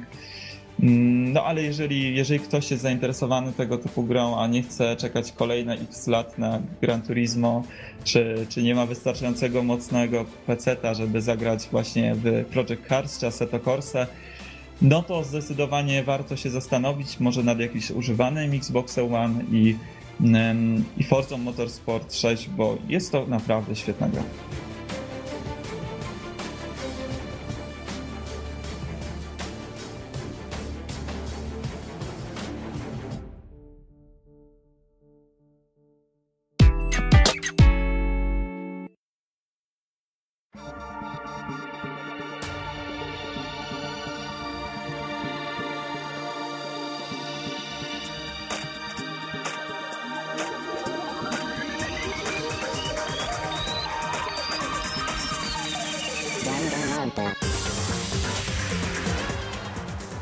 Wirtualnym studiu jest teraz ze mną Marcin Easy Kołodziej. Cześć, cześć. A mówi Adam Meca 15 Dębski. Nagrywamy w niedzielę 19 lutego 2017. A Easy zrecenzuje teraz dwie gry z jednej serii. I będzie to, mam nadzieję, że się nie pomylę, Danganronpa Trigger Happy Havoc, a druga część to Danganronpa 2 Goodbye Despair. Dokładnie. Co więcej, to może nie są najnowsze gry, ale warto o nich wspomnieć, dlatego, bo niedługo wychodzi reedycja na konsolę PlayStation 4, w której właśnie e, będą zawarte obie części, które będą dzisiaj recenzowane. Właśnie widzę, że jedynka z tego co widzę, ona debiutowała w 2010 na PSP, no to trochę już czasu temu i dopiero teraz to się zaczyna przebijać jakby na zachodni, e, to zachodni znaczy, rynek po angielsku, wiesz co, tak? może, może nawet nie dopiero teraz, bo tak naprawdę Trigger Happy Havoc wyszedł y, na rynku europejskim na PlayStation Vita 24 lutego 2014 roku. Potem y, 5 października wyszła Danganronpa 2 i później gdzieś tam na luty i kwiecień 2016 wyszły na PC-ty. Więc już aktualnie obie części są w takim pakiecie dostępne na Steamie do kupienia i spokojnie można pograć zlokalizowane. Mhm, ale widzę, że jednak trochę jednak y, anglojęzyczni odbiorcy czekali na te gry. Y, z kolei, jeżeli mnie pamięć nie myli, w tej chwili zapowiedziano trzecią część, tak? Y, tak jest, która będzie się nazywała Danganronpa V3 Killing Harmony. Oprócz tego wyszły jeszcze dwa spin-offy, czy, nie, wyszedł jeden spin-off, y, Ultra Despair Girls, a do tego jeszcze dwa anime, więc tego jest naprawdę sporo. Ale może tak, że tak powiem, zacznijmy od początku, to uporządkujmy trochę te dane, prawda? To tak, Danganronpa jest to seria, która jest y, wyprodukowana przez Spike Chunsoft, które już w sumie pojawiały się u nas na recenzji, choćby Zero, Time, e, Zero Escape, ogólnie seria. Mhm, tak, tak, pamiętam. Razem z tobą recenzowaliśmy Zero Time Dilemma, chociaż jeszcze na dzień dzisiejszy nie opublikowaliśmy tej recenzji, ale mam nadzieję, że niedługo to nadrobimy. No trzeba, dlatego, bo fani muszą zagrać, bo o, to, to były super gry. Fajnie, e, zresztą Access Games, y, czyli wydawca na Amerykę i na Europę, y, zapowiedziała, że będzie jakaś jedna paczka na Playa 4 z całą trylogią Zero, Zero Escape, więc jest na co czekać. Bądź co bądź, są to Danganronpy, wracając do tematu, są to przygodówki, tak zwane visual novelki, które są strasznie popularne w Japonii. U nas od czasu do czasu jakaś się, jakaś się przebije właśnie Zero Escape, Fate Stay Night czy E, e, Psychopass, tak, Psychopass. Którego e, też recenzowaliśmy i którego też jeszcze nie opublikowaliśmy. Aha, te, dużo tych visual novelek się gdzieś tam odłożyło w naszym backlogu. Ale miejmy nadzieję, że uda nam się to naprawić niedługo. Albo zostało już naprawione przed premierą tego odcinka. nie, nie, ten, nie mieszajmy w czasoprzestrzeni, bo się słuchacze no, pogubią. Nie można, nie można krzyżować promieni. Okej, okay, dobra. No to czekaj, co my już tam powiedzieliśmy? Że właśnie... No właśnie, wspomniałeś o tym, że Danganronpa jest visual novelką, ale widzę, że w notatkach masz jeszcze napisane, że jest połączona z przygodówką. Czyli jest to coś tak typu Phoenix Wright, czy w złym kierunku idę? To jest tak bardzo w stylu Phoenixa Wrighta. W sensie okay. nawet e, tak jakby część mechanik, można by powiedzieć, że to jest, to jest zupełnie jak Phoenix Wright. Korzystała z podobnych rozwiązań i też, e, że tak powiem, fabularnie, settingowo coś tam można, jakieś analogie tworzyć, ale w sumie może o tym za chwilę. Skup, skupię się najpierw na tym, o czym w ogóle to jest. Pierwsze, co mogę powiedzieć, to na pewno to, że podchodząc do Danganronpy trzeba uważać, dlatego, bo nie wszystkim przypadnie to do gustu. Dlatego, bo jest to tak, tak bardzo japońska gra, tak bardzo wyśmiewająca się z pewnych klisz, z pewnych po prostu standardowych motywów, że niektórzy jak popatrzą na to, to stwierdzą, że to jest takie zupełne anime bullshit i nie będą tego zupełnie tykali. Znam kilka osób, które tak właśnie by zareagowało. Ale właśnie popatrz, że też myślę, że całkiem sporo osób powinno tak zareagować na Phoenixa Wrighta, który jest strasznie dziwnie zlokalizowany jest najbardziej japońskim prawnikiem mieszkającym w Chicago czy w jakimś tam innym mieście? To właśnie to zależało od wersji językowej. W wersji angielskiej to było jakieś amerykańskie miasto, w wersji japońskiej to było jakieś chyba japońskie miasto i ostatnio trochę się zaczęło to mieszać, jak w najnowszej części on teoretycznie leci do, do Japonii, tak, czy do jakiegoś takiego azjatyckiego państwa. No, trochę się to zaczęło To znaczy, mieszać. tam, on tam bardziej leciał do czegoś w stylu Chin, tak naprawdę. A, no Ale, okej. ale rzeczywiście, według, według mnie już lepszym rozwiązaniem jest takie, że zostawiamy cały klimat i cały setting po prostu taki, jaki jest, bo to nie ma po prostu, nie ma sensu trochę poza kontekstem. No właśnie, ale jak to jest w przypadku Danganronpy? Bo mówisz, że jest dziwnie zlokalizowana. E, To znaczy, jest zlokalizowana w sensie, jest piękne tłumaczenie, jest tam oczywiście niektóre nawiązania są po prostu do, do e, bardziej amerykańskiej publiczności, prawda? Ale jednak cały czas widzimy te same motywy i te same klisze z, no po prostu znane z anime i z gier, więc są postacie, które są takimi delinquents, nie? Takimi chuliganami szkolnymi. Mamy też e, takiego cheerleadera. Akurat w wersji zlokalizowanej jest on jako tam e, cheerleading team manager, a tak naprawdę on jest po prostu uosobieniem osób. Jeżeli ktoś grał w Elite Beat Agents, to powinien kojarzyć, co to jest osu. No pamiętam, że byli tacy agenci muzyczni. A, ale masz jakąś dokładną definicję? Albo chociaż E, To znaczy, to są właśnie takie. tego? mm, Osu to są takie tradycyjne japońskie e, zespoły cheerleaderów, które właśnie na różnych wydarzeniach sportowych, na różnych wydarzeniach kulturalnych właśnie tańczyły i tańczyli, grali tradycyjną muzykę, zachęcając do walki. Właśnie Okej, dużo na myśli- dużo Mhm. krzyków, dużo dziwnych pust. Czyli masz na myśli e, tą japońską wersję Elite Beat Agents. Tak jest. Okej, okej, już pamiętam, faktycznie było coś takiego. E, okej, ale mówisz o postaciach, mówisz o jakichś cheerleaderach i tak dalej, czyli rozumiem, że setting jest w japońskim liceum. E, to znaczy, nawet nie tyle w japońskim liceum, tak naprawdę to liceum to jest gdzieś tam sobie w tle, prawda? Dlatego, bo Okej. e, każda część, to znaczy obie części, właśnie i Trigger Happy Havoc, i Goodbye Despair, kręci się wokół, takiej elitarnego, no, wokół takiego elitarnego liceum, które się nazywa Hope Speak Academy, które ma zrzeszać najlepszych uczniów ze swoich dziedzin, prawda? I po prostu e, zebrać ich w jednym miejscu, doedukować i wypuścić w świat, żeby zostali tymi najważniejszymi osobami w społeczeństwie. Więc taka elita wśród elit i mają być nadzieją narodu. I to brzmi tak super świetnie, a tak naprawdę tam trafiają najróżniejsze osoby. Właśnie mamy i jakiegoś takiego snobistycznego dzieciaka, który jest synem, e, synem mafiozów, prawda? I, e, I jest tym ultimatywnym, the ultimate, ultimatywnym biznesmenem. Mamy, e, mamy idolkę, taką typową japońską śpiewającą.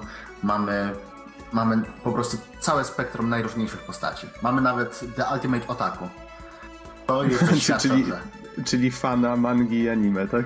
Tak, tylko w takim negatywnym wydźwięku, prawda? Bo tak Okej. otaku jednak jest bardzo. To znaczy zależy w jakim kręgu oczywiście się to mówi, ale przeważnie to jest taki dos- dosyć negatywny wydźwięk, że to jest taki wręcz fanatyk. Maniak. prawda, tych- Mhm. Okej, Tak, okej. ale bądź co bądź, wszyscy są, wszyscy są zbierani w jednym miejscu, trafiają do tej szkoły i niby mają się uczyć i tak dalej, i tak dalej, ale, ale nic w życiu nie idzie po myśli. Pojawia się w pewnym momencie monokuma, czyli sumie na początku nie wiemy co to jest. To jest taki dwukolorowy miś, czarno-biały, który... Mm, on jest w ogóle taką maskotką Danganronpy. Jeżeli mówimy o, mówimy o Danganronpie, to Monokuma jest tam po prostu zawsze.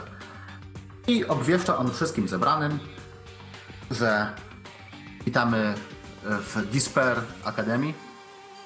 Oczywiście zamieniając, zamieniając nadzieję w rozpacz. I jedyną, jedyny sposób, jaki y, mają uczniowie, żeby wydostać się z tej szkoły, jest morderstwo. Mhm. Zaczyna się fabuła zagęszczać, z tego co widzę. E, Tak, i, i w sumie to jest taki sam motyw i w jedynce i dwójce. I e, to, to nie jest tak, że to jest po prostu zabijesz kogoś i uciekniesz. Nie, nie ma tak łatwo. Musisz nie dość, że zamordować kogoś, to później jeszcze najlepiej nie zostawić po sobie żadnych śladów, albo jeszcze lepiej wkopać kogoś innego, dlatego, bo jak znajdą, y, jeżeli co najmniej parę osób znajdzie zwłoki, to rozpoczyna się sekcja y, do, dochodzenia, po której następuje rozprawa, taka powiedzmy, że takie wynaturzenie sądowej rozprawy, gdzie wszyscy krzyczą na siebie, w której muszą dojść do tego, kto zabił. Jeżeli znajdą tą osobę i wszyscy jednomyślnie zagłosują na tą osobę, że ona zabiła, to wtedy tylko morderca zostaje skazany i w widowiskowy sposób stracony. A jeżeli się nie uda, to wtedy on zostaje blackened, zostaje wypuszczony ze szkoły, a cała reszta podlega egzekucji. I nagle jesteśmy w stanie zobaczyć, jak ci najlepsi z najlepszych są w stanie e, wykrzywić tak, swoje, swoje kręgosłupy moralne, będąc podstawieni pod ścianą. No, Dokładnie, ciekawy, to jest, to jest właśnie taka gra o tym, żeby pokazać, że wcale ci najlepsi ludzie, którzy, którzy tam trafiają, ci najlepsi z najlepszych, o których wszyscy mają takie wysokie mniemanie, prawda? To też są ludzie i też w takich po prostu chwilach strachu, chwilach po prostu y, chęci powrotu do przeszłości są w stanie zrobić wszystko. I po prostu uwolnić swoje takie zwierzęce instynkty przetrwania. No, a Monokuma nie jest takim, który lubi czynnie obserwować, dlatego, bo uważa, że to jest strasznie nudne i co chwilę podrzuca jakiś, jakiś dodatkowy motyw, jakieś dodatkowe informacje, albo stara się wprowadzić jak największy zamęt i chaos, żeby jak najszybciej kogoś wyeliminowano.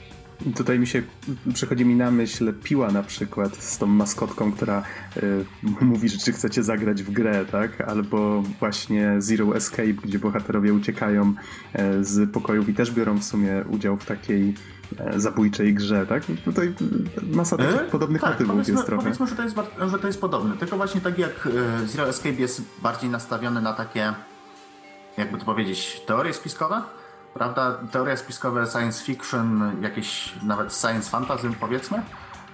To tutaj, tutaj nie. Tutaj to jest bardziej przerysowane takich właśnie inter interakcji międzyludzkich i w ogóle ludzkich charakterów. Czyli gra psychologiczna. Tak, dokładnie.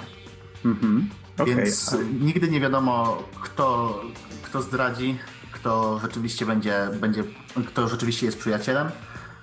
Oczywiście, mamy do czynienia z liniową rozgrywką, więc, więc nie czytajcie na internecie, co się dzieje dokładnie, bo tutaj też nie mam zamiaru o tym mówić, ale według mnie warto, dlatego, bo z jednej strony mamy i fajne postacie, i naprawdę takie, które Niektóre z nich wywołują trochę skrajne emocje, takie, że jedne po prostu ubóstwiamy dlatego, bo są super, innych nienawidzimy, bo są strasznie po prostu zazdofanymi bucami, ale dzięki temu, że potrafią y, nas przeprowadzić przez takie spektrum y, emocji, wszystkie można bardzo łatwo zapamiętać i wbijają się w pamięć i bardzo fajnie się gra w tą grę, naprawdę. Mhm. Zwróciłem uwagę na jedną rzecz, którą powiedziałeś, że gra jest liniowa. Y, czy pomimo tego, że mamy dużo postaci, mamy te rozprawy, w trakcie których, jak się domyślam, możemy podejmować różne decyzje, to nie ma powiedzmy jakichś drzewek fabularnych, które tak jak w niektórych grach pozwalają nam e, zobaczyć różne zakończenia, że powiedzmy niektórzy wyjdą z tej szkoły faktycznie, niektórzy nie. Jak to nie, wygląda? właśnie tutaj mamy jedno zakończenie, nie mamy różnych ścieżek, a to dlatego, że cały czas w tle buduje się większa intryga. Mhm, okay. I tylko tyle o niej powiem. Okej, okay, czyli jeżeli coś zrobimy źle, jesteśmy cofani, tak? Czy nie jesteśmy tak. w stanie czegoś skopać? Dokładnie. Więc y, praktycznie jedyny wybór, jaki mamy, to, w, to kolejność, w, w której chodzimy w różne miejsca, zbieramy różne informacje oraz od czasu do czasu jeszcze możemy porozmawiać z innymi osobami, żeby, y, żeby dowiedzieć się trochę więcej o nich. Prawda? I właśnie y, tak jakby gra jest podzielona na, y, na rozdziały. I każdy rozdział ma jeszcze dwa swoje podrozdziały. Pierwszy to jest Daily Life, to jest na zasadzie, że właśnie zwiedzamy, patrzymy, co się dzieje w szkole, co, co się dzieje z postaciami, rozmawiamy, są, są najróżniejsze scenki. Możemy też wtedy w tak zwanym wolnym czasie porozmawiać z innymi bohaterami, co odblokowuje nam po prostu kolejne informacje o, y, o nich, dostępne w naszym takim, tak jakby zeszycie szkolnym oraz dodatkowe umiejętności, które są używane podczas rozpraw, do których przejdę za chwilę. Czyli bohaterowie prowadzą jakieś normalne życie, mając nadzieję, że nikt nikogo ostatecznie nie zamorduje, ale nie tak. mogą wyjść z tej szkoły. Tak. Okej. Więc Okej. właśnie, więc jest taki po prostu konflikt między tym, że, że wszyscy są mili dla siebie, że a nie możemy, nie możemy się mordować, mamy być nadzieją, nadzieją tego świata, nie? a z drugiej strony każdy ma jednak jakieś każdy skąd się wywodzi, każdy ma jakieś swoje marzenia, ma rodzinę i tak dalej i chciałby wrócić do tego, co było przed porwaniem. Mhm, Okej. I widzę z twoich notatek, że to jest, wszystko jest przedstawione w grafice 3D, ale przedmioty i postacie są w 2D. To jest dość ciekawe, ciekawe Y- zdanie, tu wypatrzyłem. Tak, ogólnie myślę, że to może być częściowo, częściowo dlatego, że to jest PlayStation Vita, e, PlayStation Portable, więc no, nie miało aż tak dużych możliwości, możliwości graficznych, a z drugiej strony to jest e, trochę takie przełamanie kon- konwencji samych visual novelek. No bo nie oszukujmy się, większość visual novelek, tak jak choćby Psycho Pass, to jest po prostu statyczne plansze dwuwymiarowe, do tego animowane awatary bo- postaci. A tutaj mamy tak jakby zwiedzanie szkoły z pierwszej osoby, gdzie możemy sobie spokojnie pobiegać. Ewentualnie jeszcze w drugiej odsłonie w Danganronpie dwójce możemy poruszać się po takiej uproszczonej mapie. Po prostu w lewo i w prawo i wchodzić do odpowiednich lokacji, w których się poruszamy właśnie już idąc, mając kamerę z pierwszej osoby. Wtedy możemy sobie spokojnie zwiedzać, patrzeć co się dzieje, yy, oczywiście klikać na przedmioty, rozmawiać z osobami i do tego znajdować jakieś takie pomniejsze znajdźki. Akurat y, tutaj to są, to są monety, które później możemy wydawać w sklepie na prezenty dla innych postaci, które to później właśnie odblokowują dodatkowe umiejętności. I to jest taki zabieg, który hmm, mi się osobiście podoba, dlatego, bo y, mój problem z, ze sporą częścią visual novelek jest taki, że bardzo szybko się nudzę, jeżeli niewiele się dzieje. Prawda? Jeżeli mam cały czas statyczne plansze w tle, to dla mnie to jest mega nużące i po prostu, po prostu przysypiam. No nie oszukujmy się. Nie wiem, nie wiem jak ty miałeś z Psychopasem. Y, No na pewno to nie jest gra na długie godziny, tak? Jeżeli o to chodzi. Y, Zastanawia mnie jeszcze jedna rzecz, czy te portrety postaci, czy to faktycznie jest zrobione tak na przykład jak w pierwszym Zero Escape, czy te postacie w formie tych dwuwymiarowych sprite'ów, one są jakoś zawieszone w tej przestrzeni szkoły? One są zawieszone, y, to są dwuwymiarowe sprite, po prostu płaszczyzny, które są zawieszone w przestrzeni. Co więcej, na przykład jak się po- podejdzie y, do nich i zagada, to wtedy one tak śmiesznie podskakują i wirują. Tak Aha, jakby czyli- pokaże czyli jakby- interakcję. Okej, czyli jakby świat jest przedstawiony w taki trochę, nie wiem czy komiksowy to dobre określenie, sposób Y, Myślę, że trochę tak. niedosłowny. Mhm. Okej. Tak, y, myślę, że to, y, że to właśnie takie, taka komiksowość, mangowość y, właśnie gry jest, no jest bardzo mocno widać po prostu inspirację tym. Zresztą to nie tylko postacie, dlatego, bo też zwykłe przedmioty są po prostu dwuwymiarowe i w zależności od tego, jak my się poruszamy, to one są mniej więcej prostopadle do nas ułożone, prawda? Prostopadle do, do punktu widzenia. Mhm, takie, tak, to się bodajże nazywa billboardy, kiedyś to się chyba też sprite nazywało, tak jak chociażby w pierwszym Tomb Raiderze z 96. No, tylko, tylko oczywiście trochę się ruszają, także widać, że one są 3D jednak. Mhm, okej. To tak ciężko, ciężko mi to wytłumaczyć, ale, ale na screenach, jeżeli, jeżeli zobaczycie właśnie jakiś, y, jakiś trailer albo jakiś screen, to wtedy powinno być wiadomo o co chodzi. Ale oczywiście oprawa graficzna to nie wszystko. Oprawa audio tutaj bardzo mi się podoba. Osobiście y, do samej, samej akcji gry, do samej narracji, gdzie po prostu występują takie bardzo może przyrównam znowu do Ace Attorney, prawda? Tak jak w Ace Attorney mamy, e, mamy muzykę podczas, e, jak wpadniemy na coś, co nie pokazuje i mówimy hold it i zaczynamy mówić, to jest ta muzyka, nie? Po prostu, która, która trzyma, e, trzyma nas cały czas i chcemy przejść do przodu razem z fabułą. To tutaj jest podobnie. Tutaj mamy też takie motywy e, mocno elektroniczne, bym powiedział, miejscami, ale właśnie takie, które pompują, pom- pompują nam adrenalinę do krwi. A z kolei, jeżeli są jakieś szarciki, jakieś elementy komediowe, no to wtedy to też jest odpowiednio w muzyce y, odwzorowane. Czy, czyli jednak jest tutaj też miejsce na humor? Tak, pewnie, to wiesz. To, to nie byłaby. To nie jest taka visual novelka. Jakby to powiedzieć. To nie jest takie mega na serio. Właśnie po samych postaciach widać, że oni się wyśmiewają z, z masy najróżniejszych motywów, za, zarówno do- popkultury, jak i kultury japońskiej. prawda? Więc bez, y, bez humoru i bez w sumie miejscami takiego spaczonego i czarnego humoru by to zupełnie nie przeszło. Zresztą widzę, że sam ten miś, nie, nie pamiętam dokładnie jak on się nazywa. Ale... Monokuma. Monokuma, tak? On też jest takim. On chyba wręcz kipi tym czarnym humorem, z tego co widzę. Tak, co więcej, między, między każdym y, rozdziałem on ma swój teatrzyk, którym opowiada właśnie albo jakiś taki ciężki czarny humor, albo jakieś takie krótkie przypowiastki też okraszone ciężkim humorem. I to jest, to jest taki mega kontrast między, on jest taki, taki mówi piskliwym głosem, wszędzie się pojawia nagle, co chwilę jakieś głupie teksty rzuca, czasami też o podtekście seksualnym, prawda? A później dokonuje egzekucji, które są naprawdę widowiskowe, niektóre z nich są naprawdę krwawe. I tutaj też y, muszę wspomnieć o ciekawym takim zabiegu artystycznym, dlatego, bo nie uświadczymy tutaj czarowanej krwi.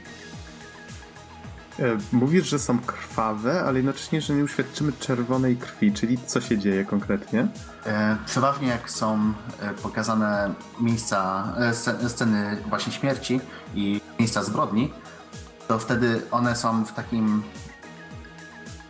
po prostu inaczej kolorowane, prawda? W, w innym stylu pokolorowane i krew jest różowa, taka mega jaskrawa, że jest mega kontrast między, między tym, co się stało z człowiekiem, prawda? A ta krew, która jest jaskrawo-różowa.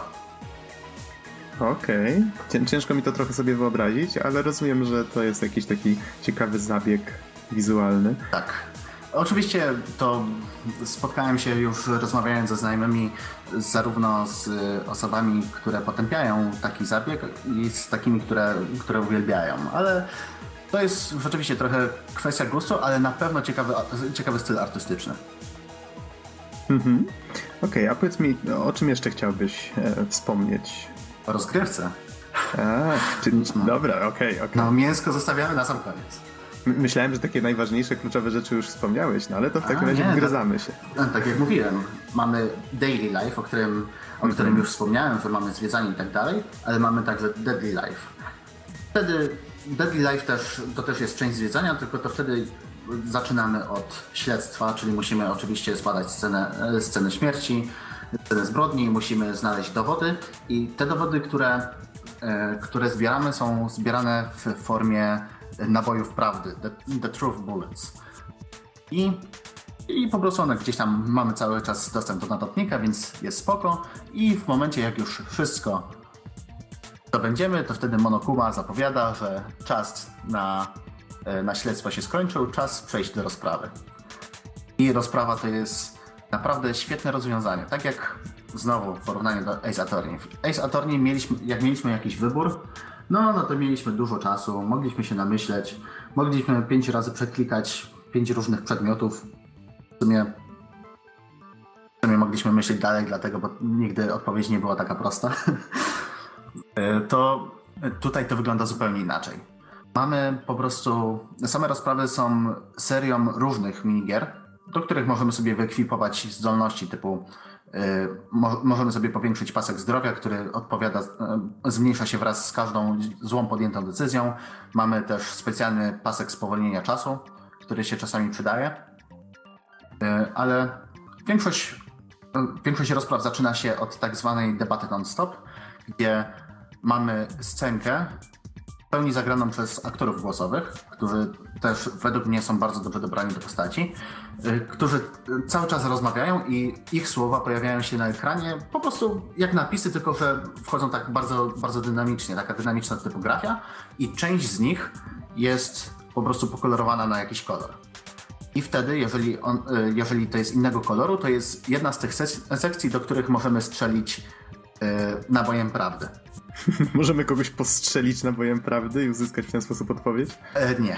nie. tak łatwo nie ma. To znaczy, zależy. Dosłownie nie, metaforycznie tak.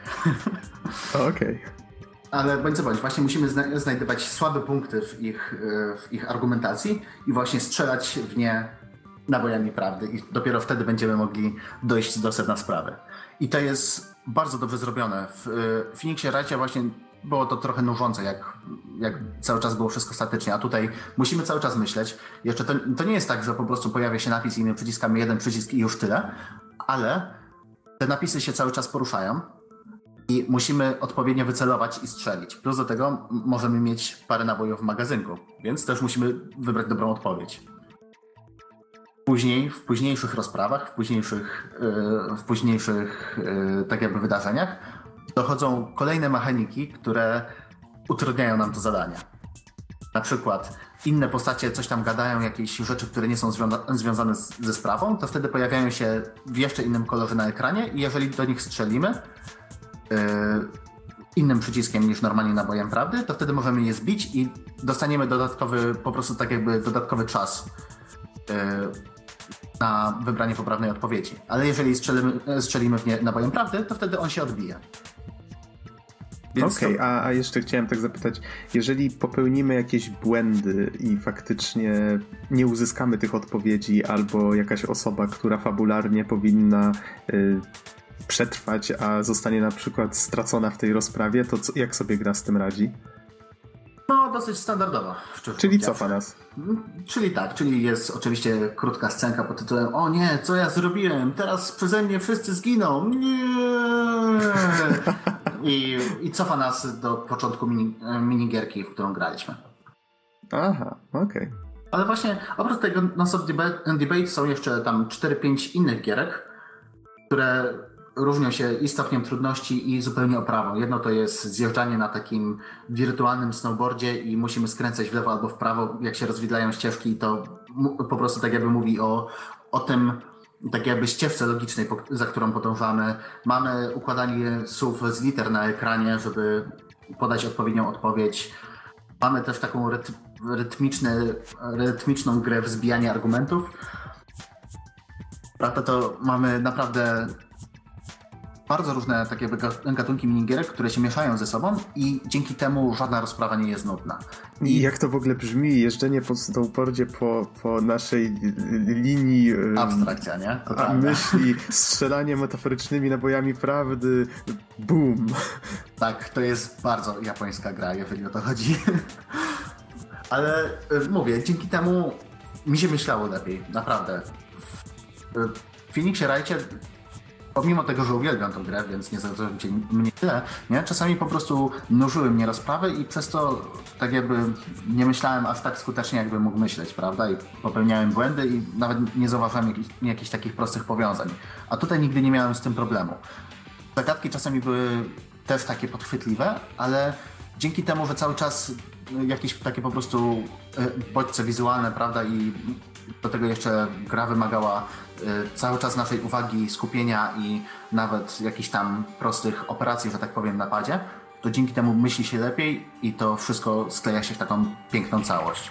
Czyli to tak jakbyś wziął Phoenixa Wrighta i zrobił z niego coś bardziej dynamicznego, co by sprzedrzeć ci jakimiś kolorami albo jakimiś minigierkami, rzuca w twarz i ta rozprawa jest taka bardziej fancy. E, trochę tak, tylko właśnie Phoenix Wright próbował to robić, tylko to te dodatkowe mechaniki nigdy nie były jakieś takie mega, mega nie wiem, mega dobre. No ta gra ma swoje tempo po prostu, czyli rozumiem, no. tu jest dużo szybciej. Tak, jest zdecydowanie szybciej i praktycznie tam jeszcze ostatni Yy, ostatnia minigierka na rozprawie to jest już takie spowalniamy tempo trochę.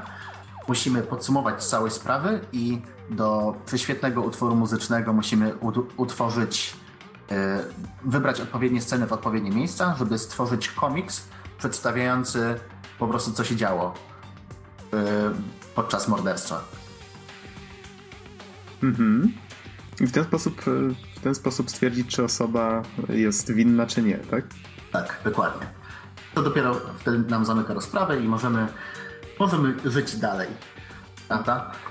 I wow, nie, naprawdę lubię visual novelki, nawet aktualnie tam staram się grać w jedno, w jedno czy dwie i Danganronpa to jedna z takich gier, które hmm, budziły znowu we mnie chęć do grania visual novelki. Dlatego, bo miałem przez jakiś czas problem, żeby tam dokończyć jeszcze, jeszcze jakieś zaległe tytuły, a później zagrałem w Danganronpę, stwierdziłem, a dobra, dam chwilkę, zagram sobie godzinkę, dwie i później z tego się zrobiły cztery i później kolejnej nocy kolejne dwie i pół i później kończenie po nocy i chodzenie niewyspanym do pracy. Ale Jak za starych, dobrych czasów. Dokładnie. Było warto, było stuprocentowo warto. Po prostu uwielbiam tę grę. Tym bardziej, że y, jest naprawdę bardzo fajnie poprowadzona ten cały, y, ten cały plot, który się buduje cały czas w tle. Też ma w miarę sens, bardziej w pierwszej niż w drugiej części, ale, ale gdzieś tam ma jakiś sens, dokądś zmierza i nie mogę się doczekać trzeciej części. A do tego jeszcze w sumie zostały mi Y, nawet nie tyle spin-offy, dlatego bo są kanoniczne y, wydarzenia, zostały mi dwie serie anime, które pierwsza jest prequelem do obu części, a druga jest tak jakby między, y, między dwójką a trójką, która dopiero zostanie wydana na Playa 4 i PlayStation Vita 29 października tego roku. Mm -hmm. Czyli mówiąc krótko, polecasz. A jeszcze jedno pytanie, czy rozumiem, że powinno się przechodzić te gry w kolejności. Pierwsza, tak, druga. Tak jest. Mhm, w kolejności i najlepiej jeszcze yy, przed obejrzeniem anime skończyć co najmniej pierwszą część. W sensie tego anime, które jest prequelem. Dlatego, bo tam przewijają się postacie te same. Yy, i, i, I a, jeszcze ważna informacja. Mówiłem, że niedługo wychodzi na yy, Playa 4 właśnie yy, remake jedynki i dwójki, ale nie powiedziałem, że to jest już naprawdę niedługo, Dlatego, bo to będzie 17 marca bieżącego roku. Naprawdę polecam, jeżeli lubicie visual novelki, lubicie się głowić czasami, jakieś takie proste, w miarę proste gry logiczne, a do tego anime bullshit, dobra muzyka i, i zupełne pomieszanie gatunków gier, to z czystym sumieniem mogę polecić tą, tą grę.